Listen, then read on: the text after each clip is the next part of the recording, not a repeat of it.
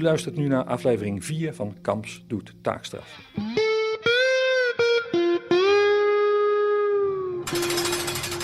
Harderwijk bij Uwoon. De werkmeester, Co Schaftenaar, 61 jaar, is buurtbeheerder leefbaarheid van woningcoöperatie Uwoon in Harderwijk. Hij heeft een eigen kantoortje.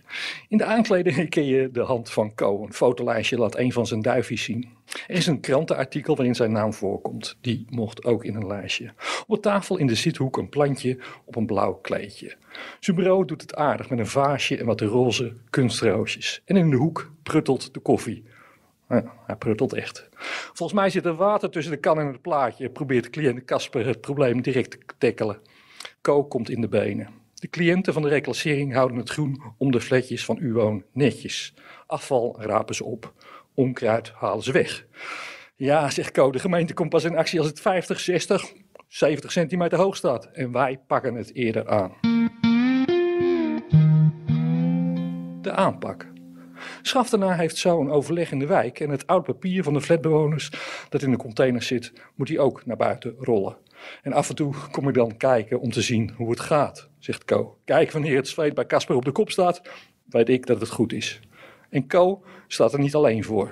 Hij heeft ook de nodige hulp van de buurtbewoners, hoor ik later van de reclassering.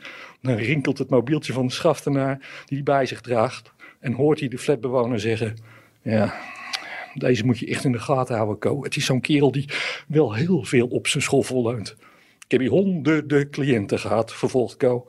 Wanneer ze die vrijheid niet aankunnen, dan gaan ze hup, zo weer terug. Daar doet Co niet moeilijk over. En natuurlijk, natuurlijk krijg ik hier ook mensen met een rugzakje, met een beperking.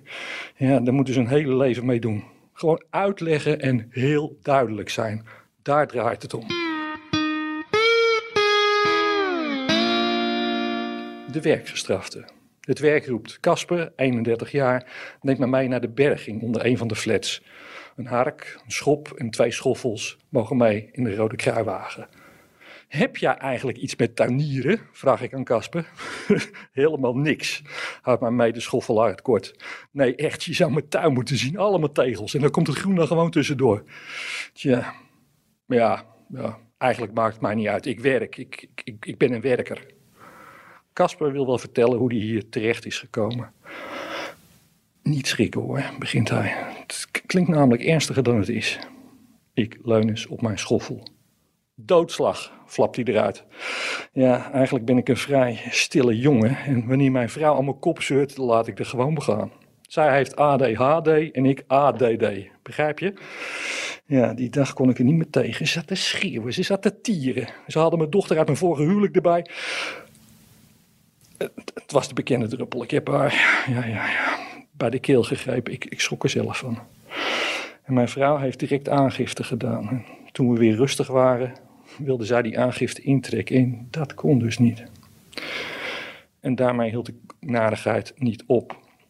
De politie komt erachter dat er drie, er is ook nog een baby, het hele jaar door illegaal op een camping wonen.